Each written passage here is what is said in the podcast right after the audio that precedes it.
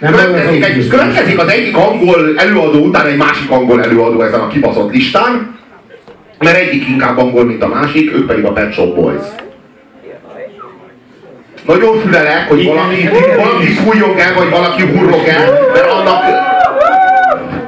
ott, ott föl, tehát arra van a Király utca. Arra meg a Dob utca. És el lehet indulni nyugodtan, hogyha valakinek a Pet Shop Boys nem eléggé fasza. Mert a Pet Shop Boys az az egyik legfaszább dolog, ami a könnyű zenében történt. Ténylegesen.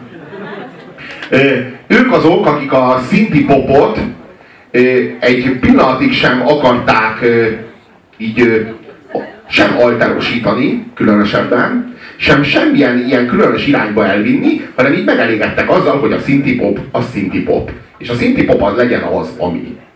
És ők, tehát valahogy ők csináltak a legeredetibb és legnyersebb szinti popot valaha. Tehát ők valahogy a szinti popnak az origója, vagy a, a, a leg, hogy mondjam, a leg, a, be, a beérett szinti pop. Vagy ahogy így lehet fogalmazni. Mint minden zenei listánál, amit a Robi valaha csinál, nem elsősorban az a kérdés, hogy miért van ennyi brit közöttük, hanem hogy miért van ennyi meleg.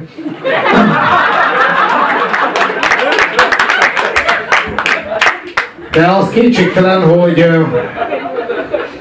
de az kétségtelen, hogy egy, hogy egy jó hosszú ideig a melegek csináltak itt egyedül normális zenét, tehát ezt sem lehet letagadni. Ja, ja. És egyébként ugyanilyen jogos kérdés, hogy a vendégek kö, kö, körében, akiket meghívok ide,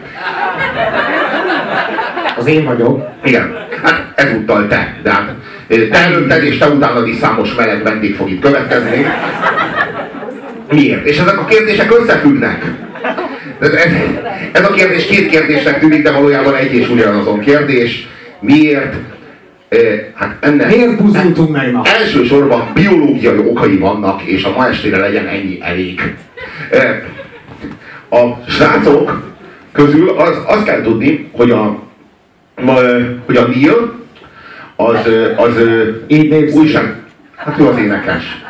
Ja jó, bocs, jó, bocs, bocs, bocs. Van a Chris meg a Neil, bocs. És a, a Neil az énekes, ő, ő egy zenei újságíró volt.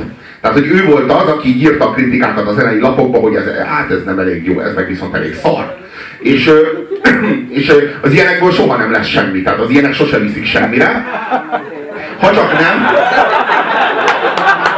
Reméljük, reméljük. Szerintem ez már egy tény. Nem kell reménykedni, hiszen ez ma már egy tény. Tehát most így próbálkoznak. Majd ha ló mások, ja, ja, ja, ja, Most vagy a csúcson. Nem, hát igen. Innen mások lefelé.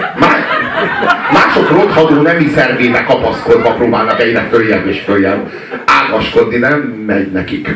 Se az ágaskodás, se az előrejutás. És? Viszont, viszont néha találkoznak egy-egy tehetséges építész hallgatóval.